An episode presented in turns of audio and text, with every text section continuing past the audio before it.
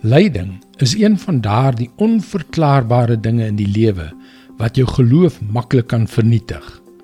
Hoe kan 'n liefdevolle God toelaat dat ek so swaar kry? Hoe? Hallo, ek is Jockey Gouchee vir Bernie Diamond en welkom weer by Vars. Ek wonder of ek jou vandag net rustig kan vra om terug te sit en te dink aan die ergste lyding wat jy in jou lewe ervaar het. Dink aan daardie een ding, daardie een gebroke verhouding, daardie een verskriklike situasie wat jou uitmekaar geskeur het, wat jou amper vernietig het.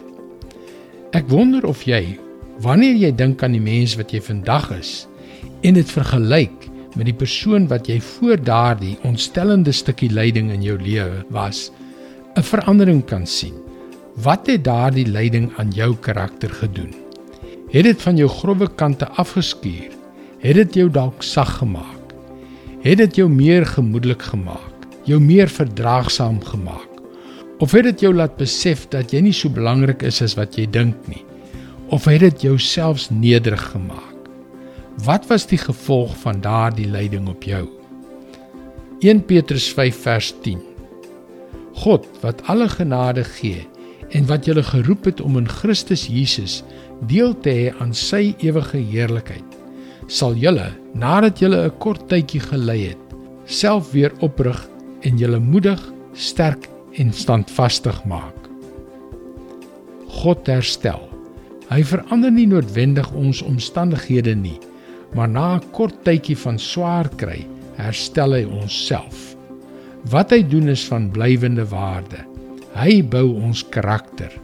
Hy versterk ons, hy ondersteun ons, hy maak ons standvastig. Daarbenewens gee hy aan ons sy genade om in Jesus deel te hê aan 'n ewigheid by hom.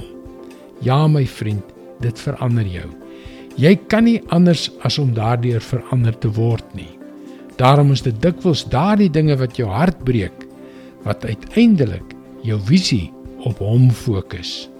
Dit is God se woord vars vir jou vandag. My vriend, God wil jou lewe ingrypend verander. Praat met hom. Die enigste soort gebed waarvan die Bybel ons leer, is die soort wat kragtige resultate het. Ons sal baie graag saam met jou bid. Gaan gerus na powerfulprayer.org om jou gebedsversoek te deel. Luister weer môre na jou gunstelingstasie vir nog 'n vars boodskap. Mooi loop. Tot môre.